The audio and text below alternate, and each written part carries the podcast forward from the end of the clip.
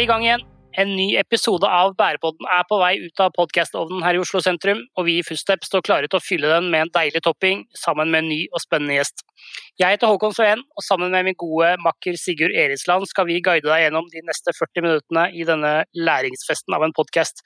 Og Sigurd, dette er riktignok nummer 13 i rekken av episoder, men det er på ingen måte noe ulykke over det som nå venter oss. På ingen måte, Håkon. Eh, på ingen måte. Og selv om nok eh, mange tenker det når de, de hører at, at, vi nå skal snakke om arkivering, NOARK og dokumentbehandling, og at man da kanskje febrilsk leter etter uh, spoleknappen eller podkastlista si for å finne andre temaer. Men til alle dere, frykt ikke, dette her det blir garantert bra. Ja, for trodde du at arkivering og dokumenthåndtering var kjedelig? Eller lite verdiskapende, tro om igjen. For dette fagfeltet er på vei opp og frem i lyset, og stadig flere har oppdaget viktigheten av at god innsamling, behandling og strukturering av informasjon tvert imot er en sentral forutsetning for å digitalisere en virksomhet. Det er rett og slett med på å skape økt innsikt og styrke en virksomhets kollektive hjerne. Og det kommer igjen til uttrykk i bedre styringsgrunnlag, og i ytterste konsekvens da, så kan vi egentlig si at eh, god informasjonsforvaltning det er en eh, forutsetning for et bærekraftig demokrati. Og det skjer mye på dette feltet, så i dag eh, tror jeg vi kommer til å lære mye. Det kommer vi til. Eh, dagens gjest er direktør for innovasjon og transformasjon i Arkivverket. Øyvind Akerhaugen. Og den tittelen der og Arkivverket er vel kanskje mange som vil si er en selvmotsigelse i seg selv. Eh, men det skal vi lære mer om. Men før vi kommer så langt, her er litt footfacts. Hei, Ida Gram fra Footstep her. I dag skal vi snakke om noe som er veldig viktig, veldig spennende, og noe vi i dagens samfunn tar for gitt, nemlig informasjon. Informasjon er kunnskap, og kunnskap er makt. Derfor prøver diktaturer å snevre inn informasjonstilgangen så godt de kan, gjennom sensur, blokkering og nedstenging av litteratur og internettsider de ikke liker. Derfor har vi trollfabrikker og fake news som vil undergrave demokrati og transparens gjennom å bevisst utvikle og spre ødeleggende og falsk informasjon. Få ting har samme sprengkraft og demokratiseringspotensial som informasjon og digitale verktøy for å samle inn, lagre og spre informasjon. IBM estimerer at innen 2020 kommer det til å genereres 2,3 trillioner gigabyte data hver dag som tilsvarer 107 millioner Blu-ray-disker eller 4,2 milliarder fulle CD-er. FNs 16. bærekraftsmål handler om fred, rettferdighet og velfungerende institusjoner, og går rett i kjernen av organisasjonens hovedoppgave å sikre fred og sikkerhet i verden. Men for å lykkes med dette er det en rekke andre ting som må være på plass, bl.a. det som fremkommer i delmål 1610, å sikre allmenn tilgang til informasjon og beskytte grunnleggende friheter i samsvar med nasjonal lovgivning og internasjonale avtaler. Så tilgang til informasjon er altså avgjørende for fred. Men det er også viktig av så mange andre grunner. Det er gullet i enhver organisasjon eller virksomhet. Innhenting og bruk av informasjon er vesentlig for at offentlige virksomheter kan levere på sitt samfunnsoppdrag, og det er flere lover de må forholde seg til. Derfor må en ha orden på hva slags informasjon en behandler, og hvordan en dokumenterer, beskytter og sikrer den. Og ikke minst er det viktig å ha et bevisst forhold til hvem som skal ha tilgang til informasjonen, og at dette er begrunnet i tjenstlige behov. Etter flere år i store offentlige virksomheter, både som ledere, ansatte og innleide konsulenter, har vi gjort oss noen erfaringer. Vi har erfart at en del virksomheter strever i skjæringspunktet mellom juss, systemer, forretning og informasjon, her møtes, og tidvis kolliderer, ulike profesjoner og interesser. Mange har ikke klart å etablere gode rutiner for informasjonsforvaltning, og de mangler gode roller for informasjonseierskap. Tilgangsstyring er også krevende å få til i praksis. Mange syns det er noe herk. Det er utfordrende å finne igjen informasjonen. Hvilken versjon var det nå som gjaldt igjen? Hvor ligger det riktige dokumentet? Og hva var det egentlig vi gjorde i dette prosjektet? Mye informasjon er ikke strukturert, og en opererer med ulike begreper og definisjoner. Dette gjør det vanskelig, av og til umulig, å hente ut statistikk og styringsinformasjon. Ofte er også kvaliteten på det som finnes, for dårlig til at det kan brukes. Det er synd, for det legges gjerne ned mye arbeid i å samle inn, behandle og dokumentere, og verdien av informasjonen er potensielt svært stor. Og det er kanskje det det koker ned til. At en har et lite bevisst forhold til informasjonens verdi og dårlige mekanismer for å finne gullet. Heldigvis fins det noen fyrtårn der ute som arbeider med å få opp den kollektive bevisstheten og hjelper oss til å bli bedre gullgravere. Det skal du få høre mer om i denne podkasten. Ja, tusen takk til uh, vår analyseekspert Ida Gram for en klok inngang på et tema som er viktigere enn det mange faktisk har tatt inn over seg.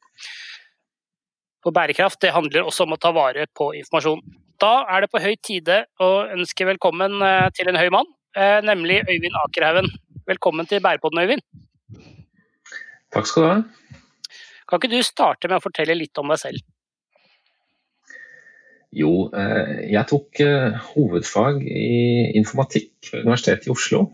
Og, etter det så var jeg egentlig bare eh, sikker på én ting, og det var at jeg ikke ville til konsulentbransjen. Så jeg vurderte tilbud både om doktorgrad og stilling som forsker på Sintef, og akkurat da ville det vært ganske naturlig for meg å, fortsette i, nettopp den retningen.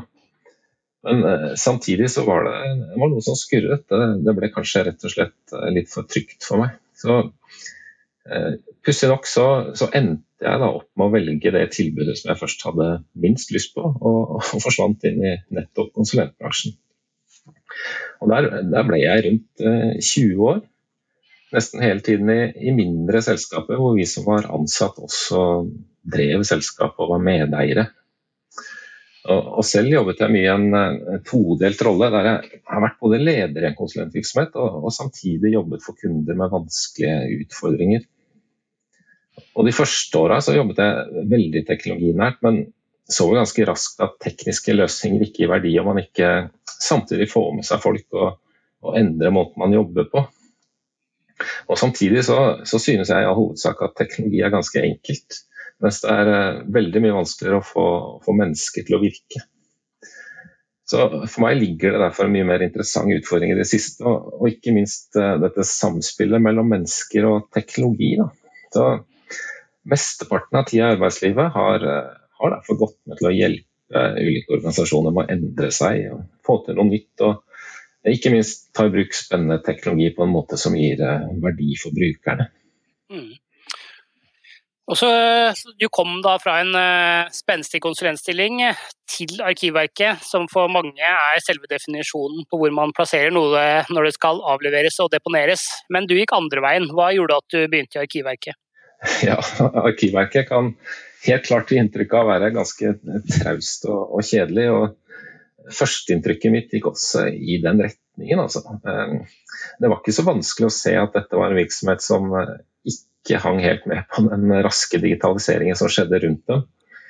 Og dette til tross for at jo, jo lenger digitaliseringen og automatiseringen kommer, eh, og jo større informasjonsmengdene blir, jo viktigere og mer krevende blir egentlig rollen til Arkivverket. Så jeg opplevde at Arkivverket hadde veldig mange uløste oppgaver og sto foran store, nødvendige endringer. Og, og kanskje viktigst av alt, så, så, var det en rekke utfordringer som jeg overhodet ikke ante hvordan man skulle løse. Eh, og store utfordringer og, og, behov for endring er noe som eh, trigger meg. Og Så så jeg også at jeg, jeg kom til å få jobbe for en toppleder som var villig til å slippe til en person som tenker nytt og ønsker å få til litt radikale endringer. Så det å, å få stor påvirkning på en så spennende omstilling, det, det trigget meg rett og slett. Og, og, I realiteten er det ingen tvil om at Arkivverket er minst like spenstig som de stedene jeg har vært tidligere. Vi jobber med mer spennende oppgaver og teknologi enn de fleste offentlige virksomheter. Det er, det er bare ikke alle som har forstått det ennå. Men um, nå har du jo da jobbet i Arkivverket en liten stund. Uh, og, og, og Eh, hvis du skal rette da, på det kanskje inntrykket som mange sitter med på Arkivverket, så må du fortelle litt om eh, misjonen til Arkivverket, og hvor mange som jobber der, og hva slags kompetanseprofiler osv. Kan ikke du skryte litt av Arkivverket? jo, jeg, kan jo begynne med det, det som kanskje er, det mest formelle og trauste. og Det er jo kjerneoppgaven vår. og Den er jo å sikre og bevare og tilgjengeliggjøre et bredt utvalg av samfunnets arkiv. Men her kan det også være greit å minne om at eh, arkiv er noe annet og, og veldig mye mer enn det som ligger i de såkalte sak-arkivsystemene. For arkiv er all den informasjonen som skaper, skapes i virksomheter som er verdt å ta vare på for eh, ettertida. Eh, så vi samler inn viktig informasjon fra statlige og private virksomheter etter en viss periode, eller når de ikke lenger har bruk for den selv. Og litt mer folkelig sagt så, så betyr dette at vi sørger for at sporene etter alt det viktige som skjer i Norge, blir tatt vare på. Og at vi som samfunn har muligheten til å ettergå sporene etter hva som har skjedd, det, det sørger for åpenhet og gir mulighet for rettferdighet. Og I tillegg til den viktige dokumentasjonen fra statsforvaltningen, så har vi også informasjon om eh, bl.a. folketellinger, eiendom, kart og, og, fra sentrale private virksomheter sammen med veldig mye annet. Så kan det være greit å minne om her at Norge er jo et av de landene i verden der befolkningen har høyest tillit til det offentlige. Så vi skiller oss faktisk eh, ganske betydelig ut. Og den muligheten vi har til å i ettertid se hva som faktisk skjedde, er en eh, viktig årsak til det. Og denne informasjonen den finnes i arkivene. Og I tillegg så må jeg nevne at vi også har en uh, viktig myndighetsrolle, der vi både legger premissene for hvordan dokumentasjonsforvaltning i det offentlige skal foregå, og, og fører tilsyn med at det faktisk etterleves, sånn at viktig informasjon ikke skal gå tapt. Mm. Og Så spurte du litt om hvor store vi var, og nå er vi vel omtrent 340 eh, personer. Så den største gruppa sitter i Oslo, men i tillegg er vi til stede på rundt ti lokasjoner rundt i landet. Og, og tradisjonelt så har vi, har vi vært en arbeidsplass for historikere og de med utdanning innen tradisjonelt arkivfag. Og Mye av den kunnskapen er fortsatt nyttig, så, men samtidig så så krever samspillet med en digitalisert forvaltning noe helt annet altså enn før. Og tidligere produserte man jo i hovedsak brev og saksmapper som enkelt kunne overføre til oss når man ikke lenger hadde bruk for dem. Og det er ikke så mye igjen av akkurat den måten å jobbe på lenger. Så I dag benytter jo de som skaper eh, arkiv, komplekse informasjonssystemer. Og der beslutninger og kritiske spor er, kan være representert eh, som relasjoner mellom ulike informasjonselementer. og og dataen er ofte spredd mellom virksomheter, noe lokalt, noe i skyen. Å få tak i og sikre denne informasjonen krever en helt annen kompetanse enn det, det vi hadde tidligere. Så, så, vi har derfor eh, de siste fire åra gjort en eh, veldig bevisst kompetansedreining. Og i hovedsak rekruttert innenfor andre fagområder enn tidligere. Eh, sånn som f.eks. informasjonsforvaltning, tjenestedesign, arkitektur og teknologi. Mm. Og parallelt med det så har vi jo endret måten vi jobber på temmelig radikalt. Det er mye mer agilt, mye mer teambasert og, produktorientert. Og så, og så, er det jo ikke å legge skjul på at det, det, blir litt spennende utfordringer mellom eh, ganske ulike kompetanseområder internt. F.eks. Eh, rundt ting som språk og ordene man bruker. Det blir, det blir mye misforståelser. Og eh, Samtidig så, så syns veldig mange av, av folka våre at denne endringsreisen er spennende og, og jobber knallhardt med å oppdatere seg med ny kompetanse. Og den beste kompetanseutviklingen får vi der de med tradisjonell kompetanse blir med på utviklingsaktivitetene våre. Tidligere så var veldig få ansatte systematisk involvert i endrings- og utviklingsaktiviteter. Men nå har vi perioder der nærmere halvparten er involvert på en eller annen måte. Ofte så ser vi veldig gode synergier og, og får fram de beste løsningene når personer med tradisjonell arkivbakgrunn da, jobber sammen med mm. heldigitale hoder. Mm. Ja, jeg kan, jeg kan, levende se for meg eh, språket, som du er litt sånn inne på. Da, når man, eh, en, en, arkivar som snakker om kassasjonskoder og, og eh, eh utvikler som er eh, ned i sin Java- eller .net-kode. Det, ja, ikke sant. Det, spennende. Ja, da, Men, eh, ja. Ja, Arkivverket har jo brukt eh, et språk som resten av forvaltningen ikke forstår også. Mm. Etter hvert som de har digitalisert seg, så å legge seg tettere opp til det har jo vært en del av den reisen. Spennende. Veldig spennende. Du var litt inne på det, men, men eh, ikke sant? dere, dere eh, lagrer mye eh, informasjon og dokumentasjon hos, hos dere. Eh, og dere holder jo til oppe på Sognsvann, men, men, men jeg er sånn nysgjerrig. Hvor mye informasjon, så hvor mye fysisk og digital informasjon er det lagret hos dere? Det er nesten vanskelig å beskrive, for det er mange ulike måter å måle det på. Men eh, vi kan jo eh, begynne å snakke litt først om de største datamengdene våre, som foreløpig er i fysisk og analog form. Og det måler vi i hyllemeter. Og dette er jo da papir, bilder og annet fysisk materiale som er satt etter hverandre i hyller. Eh, mye likt det du ville gjort i, i bokhylla hjemme. Og i totalt har vi i dag 250 000 hyllemeter eh, med papir. Og hvis vi skal sette det litt i perspektiv, så, så, vil vi, hvis vi legger disse papirene etter hverandre, flatt langs ekvator, komme rundt jorda ni ganger. Og, den, den, mest relevante informasjonen i disse papirene jobber vi med å gjøre digitalt tilgjengelig, men og foreløpig så har vi rundt 60 eh, millioner sider tilgjengelig i digitalarkivet. Så det er da, eh, hva, hva sier for noe, det er ni ganger ekvatoren oppe på Sognsvann? ja, ikke bare på Sognsvann, men totalt eh, året som vi har lagret på ulike steder.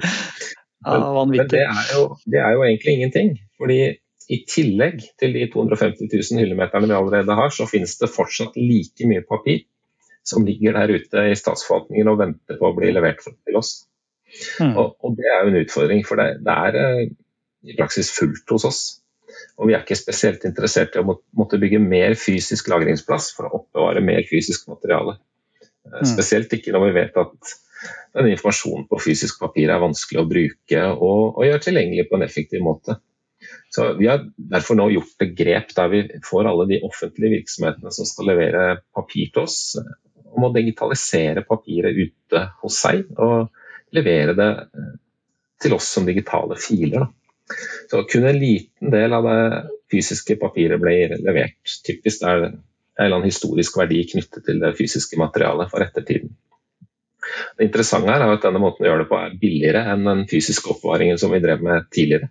Og samtidig som det gjør det lettere å sette informasjonen i spill og skape verdi basert på innholdet. Så Jeg nevnte at vi hadde rundt 60 millioner sider tilgjengelig i digitalarkivet i dag. og Gjennom den prosessen her, da, som riktignok vil gå over en god del år, så, så, ser vi for oss at vi totalt får eh, rundt 1 milliard nye sider digitalt tilgjengelig i digitalarkivet. Og så når, har, når, vi, når, det gjelder det rent digitale, for det har vi også tatt imot en god stund, eh, IT-systemer som eh, leveres til oss. Så det, det startet vi med å motta på 90-tallet, og siden da har vi tatt imot rundt 2000 systemer. Det har gått litt sakte, syns vi. og Det er mye pga. dårlige tekniske løsninger, og også at vi har vært altfor byråkratiske og, og, kravstore i prosessen da, med å levere til oss. Så mange har utsatt å gjøre arbeidet med å levere, og informasjonen står oppbevart på gammel maskinvare som kan svikte når som helst. Her var det nødvendig å gjøre noen større grep rett og slett, for å minimalisere risikoen for at informasjon går tapt. Og, og, nå har vi klart å effektivisere både byråkrati og teknologi. Så ofte ser vi at virksomheter nå kan levere data fra IT-systemer til oss for en 10 av det kostnaden var tidligere. Og neste år kommer vi til å ta imot mer enn 150 IT-systemer. Så, og Kompleksiteten og størrelsen på disse systemene øker jo eksponentielt. Og, og det finnes systemer der ute nå som alene er større enn summen av det vi har tatt imot så langt. Og man sier jo at informasjonsmengden i samfunnet tidobles hvert syvende år, og dette gjenspeiler seg naturlig nok i, i mengden historiske data du finner hos oss. Mm. Hva, eh, eh, eh, det eldste dokumentet dere har, det må du også si. Hva er det? Ja, det lite sprang da, fra digitale systemer til eldste dokumenter. Men ja. det, det, eldste vi oppbevarer, er Norges eldste brev. Og det er et skriv fra pave Clemensen 3. til alle geistlige i Norge, og det er fra 1189. Men så har vi også fragmenter fra messebøker som er eldre, og de, de eldste da er fra slutten av 800-tallet. Så har vi en del andre gullkorn, f.eks.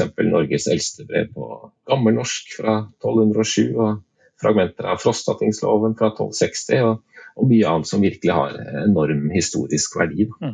Mm. Ja, det begynner å bli ei stund siden. Eh, vi hører det er gode grunner til å digitalisere. Eh, og Arkivverket satser stort om dagen, og det er særlig to tydelige satsingsområder som peker seg ut. La oss snakke litt om digitalarkivet først, Øyvind. Nemlig verdens første felles inngang til alle typer arkivdata. Det er en del av det offentlige økosystemet for tjenester og deling av data. Og det heter seg at alle skal ha tilgang til våre data uansett hvor de er. Hva ligger egentlig i det? Ja, så, Som jeg nevnte tidligere, så har vi enorme mengder informasjon, men mesteparten av dette er foreløpig kun på papir. Og For å bruke det har man tradisjonelt måttet søke i kataloger etter papir som kan ha interesse. Fysisk reise til stedet der papiret befinner seg, og, og bla gjennom materialet. Og mange av oss som er vant til å bruke informasjon på en helt annen måte. Og jeg vil si alle de som er unge i dag, betrakter jo dette som eh, utilgjengelig, rett og slett. Så vår ambisjon er å gjøre den informasjonen like tilgjengelig for alle.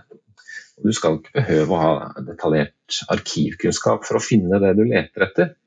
Det skal heller ikke være avhengig av at du har helse eller mulighet til å reise fysisk til stedet der informasjonen befinner seg.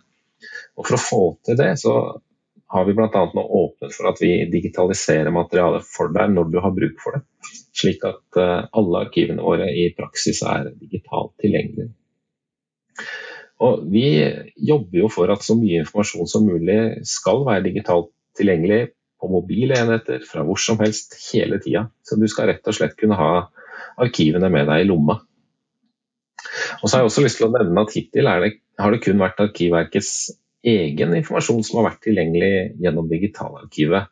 Men fra og med i år så har vi åpna opp for at andre arkiveiere fra kommuner og, og, privat sektor også kan gjøre sitt uh, materiale tilgjengelig der. Og Det øker mengden informasjon som er tilgjengelig betraktelig. Og som du var inne på i spørsmålet, Dette er faktisk verdens første nasjonale fellesløsning for uh, historiske data. Mm. Uh, allerede så har vi opp mot 1,6 millioner unike brukere av disse dataene hvert år går vi mot en slags eh, Google-portal hvor jeg som privatperson på en enkel og intuitiv måte kan eh, søke opp gammel historisk informasjon? Ja, det stemmer for så vidt det. Og, og samtidig så er noe av dette komplisert materiale som det kan være veldig vanskelig å navigere i kun gjennom standardsøk. Blant annet så vil mange ønske å utforske og følge personer, steder, virksomheter av forskjellige røde tråder gjennom ulike typer kilder. Og, og tradisjonelt har vi drevet mye én-til-én-veiledning for å bistå i, i fremfinningen.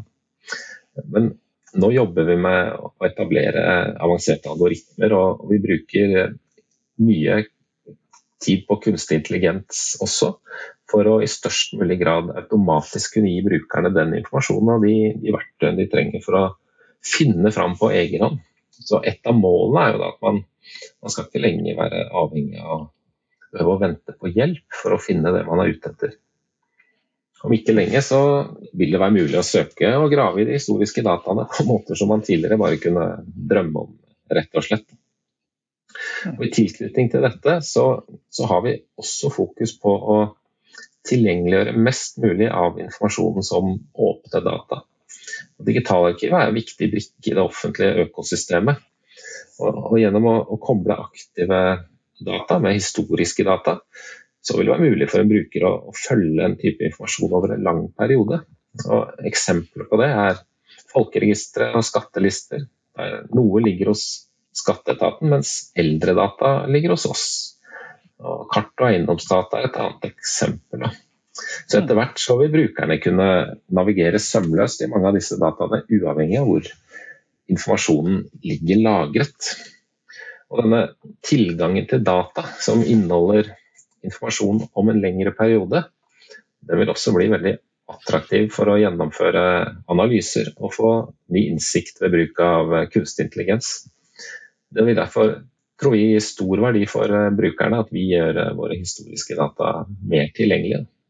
Og en, en liten forsmak på det, som, som riktignok var mer analog, er de, er de, ferske analysene av temperaturendring på, på, Svalbard, som NRK rapporterte om i slutten av juni. Og der fikk man helt ny kunnskap om uh, disse temperaturendringene ved å bruke værdata fra oss som gikk uh, tilbake til 1800-tallet. Veldig spennende når man tilgjengeliggjør så mye gammel eh, eh, historisk informasjon og kunne sette dette i sammenheng og på måter man ikke har klart å gjøre tidligere. Så dette her er jo digitalisering i, i praksis. Um, du, eh, altså, dette var det ene satsingsområdet, og så har vi det andre satsingsområdet som man eh, ofte kaller for innebygd arkivering. Eh, og Det handler om å ta, ta, vare på viktig informasjon altså, som det er ja, det er jo tidkrevende for brukeren, da, og for veldig mange kanskje ikke den mest elskverdige jobben. Eh, og så vet vi at, at, at eh, Arkivverket har jo da som en misjon at eh, altså innen 2025 så skal vi slippe å tenke på dette med arkivering. Eh, men hva betyr det i praksis? Ja, Å klare å ta vare på sporene fra det som har skjedd, er en, en mye større utfordring nå enn i en analog verden. Da det var ganske enkelt med, med, fysiske brev, men dagens komplekse informasjonsmodeller kombinert med de metodene vi har tilgjengelig så langt, da, det gjør at det fort blir veldig både tidkrevende og dyrt. Og informasjonen som må tas vare på, den oppstår i dag i, i veldig mange ulike systemer. Det er alt fra fagsystemer og egenutviklede applikasjoner til samhandlingsplattformer som eh, Teams, Slack og Confluence mye annet. Og som eh, mange kjenner til, så er det en del virksomheter som forsøker å manuelt eller delvis automatisk kopiere verdifull informasjon til et sak-arkivsystem. Og dette er, mm. dette er tungvint, og det fungerer jo bare for noen få typer informasjon og systemer. Og, og mengden informasjon som skapes er etter hvert så stor at det er en håpløs oppgave å manuelt jage etter informasjonen i alle typer systemer. Så mye informasjon som vi som samfunn egentlig ønsker å ta vare på, den går tapt. Og det, er, og det er jo vanskelig å forstå konsekvensen av dette før senere. Og da, da er det gjerne for seint. Så vi må rett og slett finne nye tilnærminger som automatisk fanger relevant informasjon og gjør det lett å frigjøre denne informasjonen fra programvaren, slik at den kan oppbevares og brukes senere.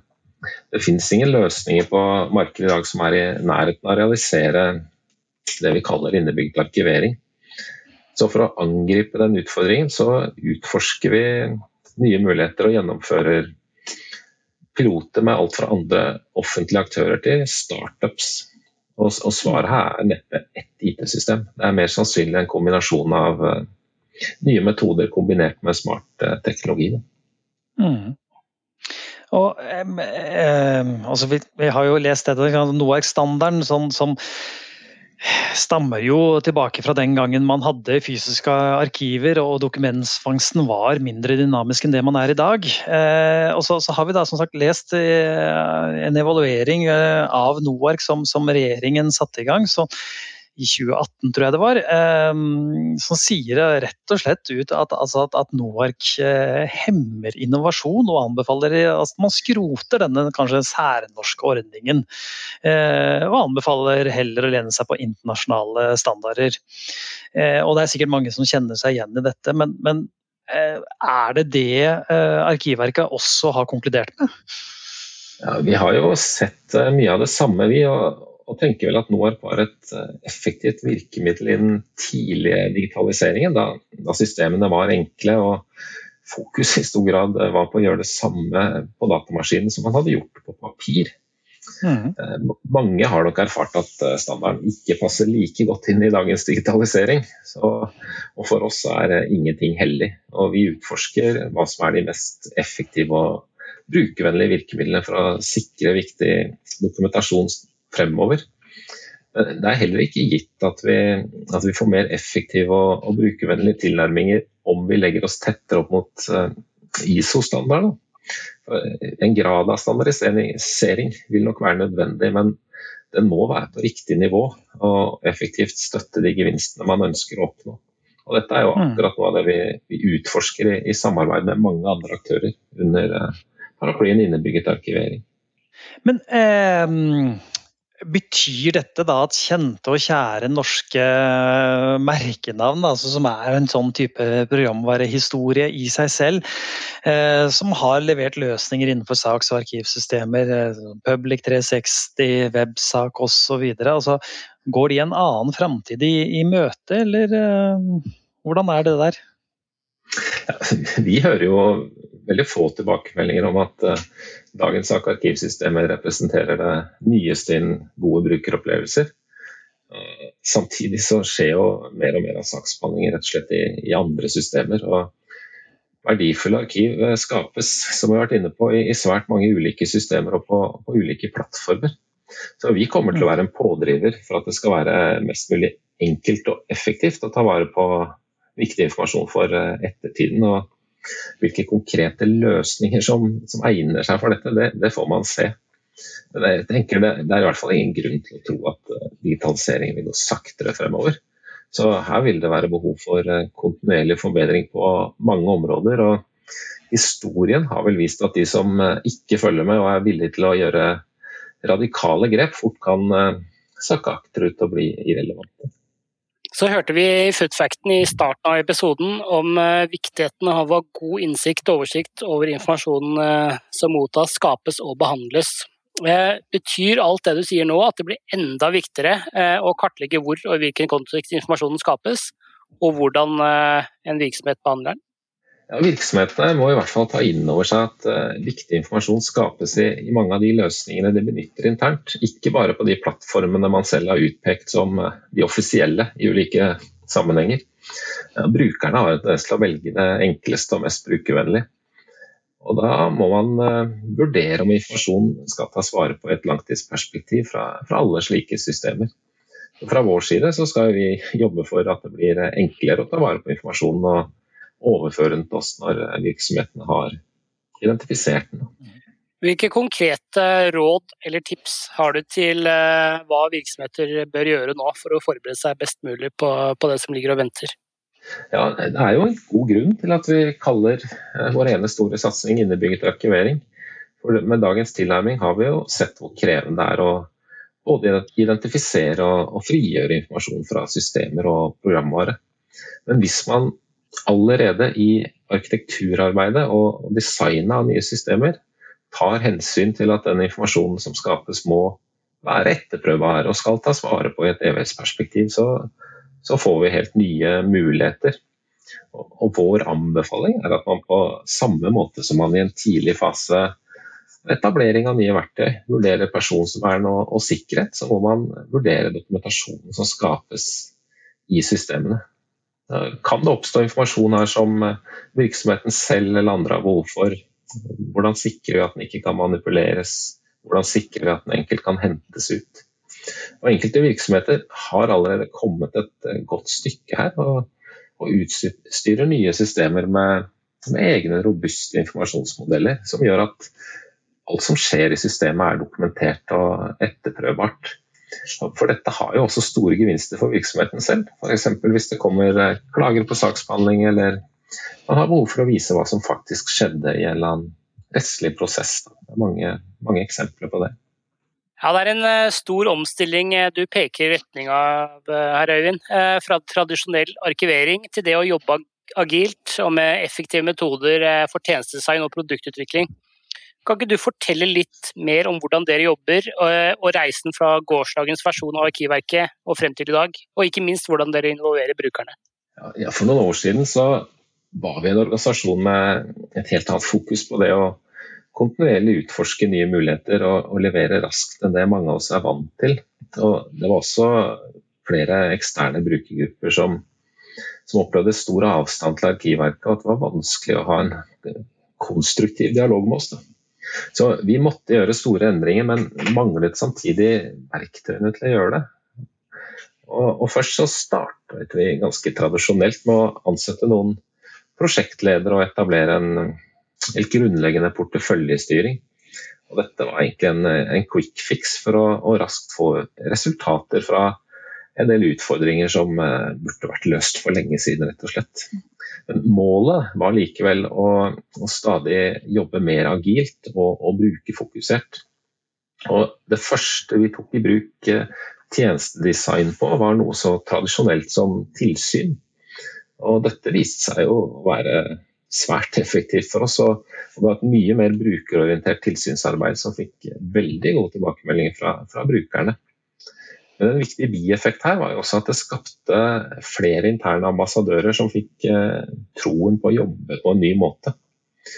Og nå bruker vi tjenestedesign og, og, smidig metodikk på alt fra tekniske til administrative utfordringer, og, og til og med aktivt i, i toppledergruppa når vi jobber. Og så har vi også gjort eh, et helt grunnleggende grep å være mye mer proaktive mot forvaltningen og brukerne rundt oss. Så vi tar eh, initiativ til samarbeid, inviterer inn i våre forbedringsaktiviteter og deltar eh, selv i viktige fellesinitiativ. F.eks. tiltak under regjeringens digitaliseringsstrategi. Og den generelle arbeidsmetodikken er også orientert mot at eh, prioriteringer i langt større grad er styrt av brukerbehovene. Og for de viktigste aktivitetene våre har vi etablert eh, egne bruker- og samarbeidsarenaer der vi rett og slett sammen med brukerne blir enige om retning og, og veivalg. Mm. Og nå opplever jeg at vi har kommet i en situasjon hvor vi er ganske godt i stand til å bruke ulike verktøy ut fra utfordringens karakter. Så noen ganger er det jo effektivt med en tradisjonell prosjektorganisering. Så andre ganger er det bedre med et tverrfaglig team. Og for større områder der vi ikke eh, ser en helt klar slutt på utviklingsarbeidet, og som skal være veldig styrt av brukerbehov, organiserer vi det som eh, produktteam. Og vi tror det er en styrke å ha en eh, velfylt verktøykasse, om vi kan kalle det det. Og veldig bevisst velge riktig verktøy i hvert enkelt tilfelle. Veldig spennende å høre på, på, den utviklingen som dere har vært i og, og, og er i. Eh, og, og, dere har jo nå pekt på, på eh, noen satsingsområder. Eh, og så vet vi at det er, det er et lite område til som, som du, er, du, er, nødt til å prate litt mer om, nemlig Norsk helsearkiv. Og for de som ikke vet hva det er for noe, det er en, det er en unik satsing sånn i verdenssammenheng, altså hvor man samler all helsedata på ett sted som skal brukes til forskningsformål. Eh, og dette er, ikke, dette er jo ikke mulig å få til så veldig mange andre steder i verden, rett og slett for at man har ikke den mengden data kombinert med mengden historikk. Eh, så dette må du fortelle mer om, Øyvind. Ja, Norsk helsearkiv det etablerte vi som en egen satsing på, på Tynset. Og Der eh, samler vi og digitaliserer alle pasientarkivene fra spesialisthelsetjenesten, altså det som er sykehusene våre. Ikke bare på Tynset, altså ikke bare pasientjournalene på Tynset, det er vel hele Ja, men vi samler de og digitaliserer de på Tynset. Yes, det kommer bra. fra hele landet. Så vi samler journalene på, på tvers av organisatoriske grenser Eh, til et nytt nasjonalt helseregister for forskning og kunnskap. Og det er, eh, som du var inne på, ingen andre land i verden som har eh, gjort om arkivene til et helseregister for forskning på den måten før. Så derfor er dette helt unikt. Da. Og, Det vanlige i dag er jo også at en forsker fysisk må gå ned i arkivene på universitetssykehusene og plukke ut alle journaler de tror er relevante for det de forsker på. Eh, og nå blir helsedataene digitale og mye mer tilgjengelige. Og dette gir selvfølgelig også muligheter for ny kunnskap gjennom bl.a. Eh, analyser og bruk av eh, kunstig intelligens. Og vi er sikre på at dette vil gi ny og mer effektiv forskning til, som til slutt kommer fremtidige pasienter til gode. Da. Og så er det viktig når man snakker om helsedata å, understreke her at det er jo strenge bestemmelser knyttet til utlevering her. Så forskningsprosjekter må, må, ha en spesiell godkjenning. Men ved at vi gjør det digitalt, så får vi også enklere muligheten til å bl.a. avidentifisere journalen, som gjør at uh, vi kan gi enklere tilgang eh, til forskere og forhåpentligvis få mer effektiv forskning. Mm. Og, og For øvrig så, så, er det ikke bare forskere her som er interessert her, men også pårørende ser vi på som en viktig brukergruppe. Eh, som kan ha stor verdi av å lese journalen til sine forfedre. F.eks. For i forbindelse med arvelige sykdommer. Mm. Disse, disse, dataene de, de lagrer vi i et EVS-perspektiv for alltid, rett og slett. Så de skal være like tilgjengelige om, om 500 år. Og, og, enkelte har jo lurt på hva som skjer når man dør, og da, da kan vi jo avsløre det i denne podkasten. Når du dør, så, så havner du på Tynset. Og der er eh, informasjonen om deg Oppbevart. Så du går inn i de evige jaktmarker med en sånn digital identitet som ligger lagret på Tynset? Nettopp. Fantastisk. vi nærmer, ja, da, da, vet vi dette. Det er en, eh, en avsløring gitt her i Bærepodden. Eh, vi nærmer oss slutten, eh, Øyvind, men, men Arkivet er nå over 200 år gammelt og har alltid jobbet med informasjon. Men hvor er dere om 100 år? Ja, det er jo åpenbart vanskelig å se så langt frem i tid. Samtidig er det nok få som tviler på at verden om 100 år også kommer til å være en form for et uh, informasjonssamfunn. Selv om måten informasjon behandles og konsumeres på garantert vil være radikalt forskjellig. Og Vi ser jo allerede i dag at Arkivverkets rolle er svært sentral i digitaliseringen. Nettopp fordi vi, vi både setter premisser for dokumentasjonsforvaltningen og er de som har ansvaret for å ta vare på all den viktige informasjonen som skapes. Så jeg tror at vi i fremtiden vil være et slags nav i midten av samfunnets informasjonsstrømmer, hvis man kan kalle det det. Og her vil vi ikke bare sikre å ta vare på informasjon, men det kan også potensielt være en, en form for garantist eh, for at den er ekte og autentisk. Veldig interessant. Eh, helt til slutt, eh, Øyvind, og til spørsmålet stiller vi alle våre gjester. Hvem mener du ligger lengst fremme i Norge når det gjelder å se digitalisering og bærekraft i sammenheng. Hvem mener du fortjener en liten virtuell blomsterbukett, og hvorfor?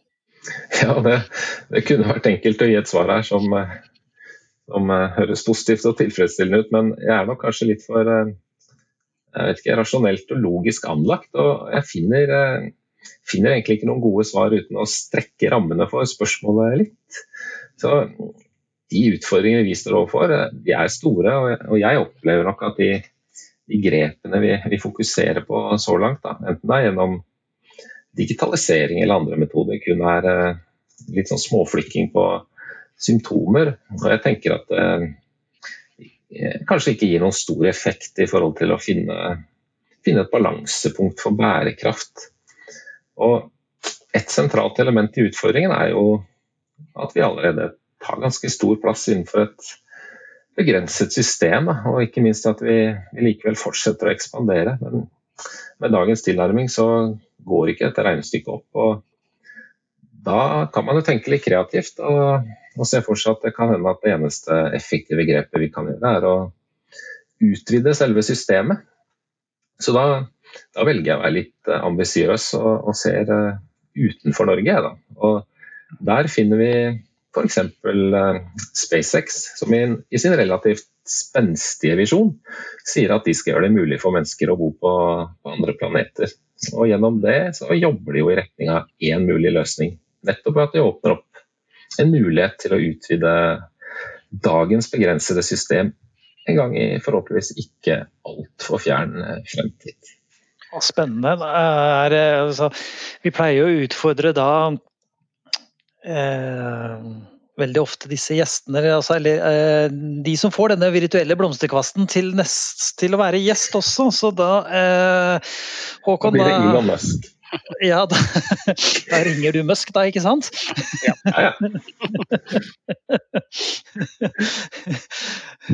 Veldig bra. Vi ringer Musk. Eh, det var det vi rakk for denne gang. 15 spørsmål og svar er unnagjort. Vi har fått innsikt i digitaliseringen av Arkivverket, og vi har fått større forståelse for eh, hva utviklingen på dette området kan bety for verden rundt oss. Og vi går kanskje en ti møter møte der vi som brukere trenger å tenke mindre på arkivering, og kanskje ikke i det hele tatt. Samtidig som informasjonen som skapes vil tas bedre vare på og videreforedles til innsikt som kommer alle til gode. Det høres lovende ut, og vi gleder oss til fortsettelsen. Bærepodden er tilbake med nye spennende gjester og temaer veldig snart. Tusen takk for at du hørte på. Vi i Footstep ønsker deg en feiende flott dag videre.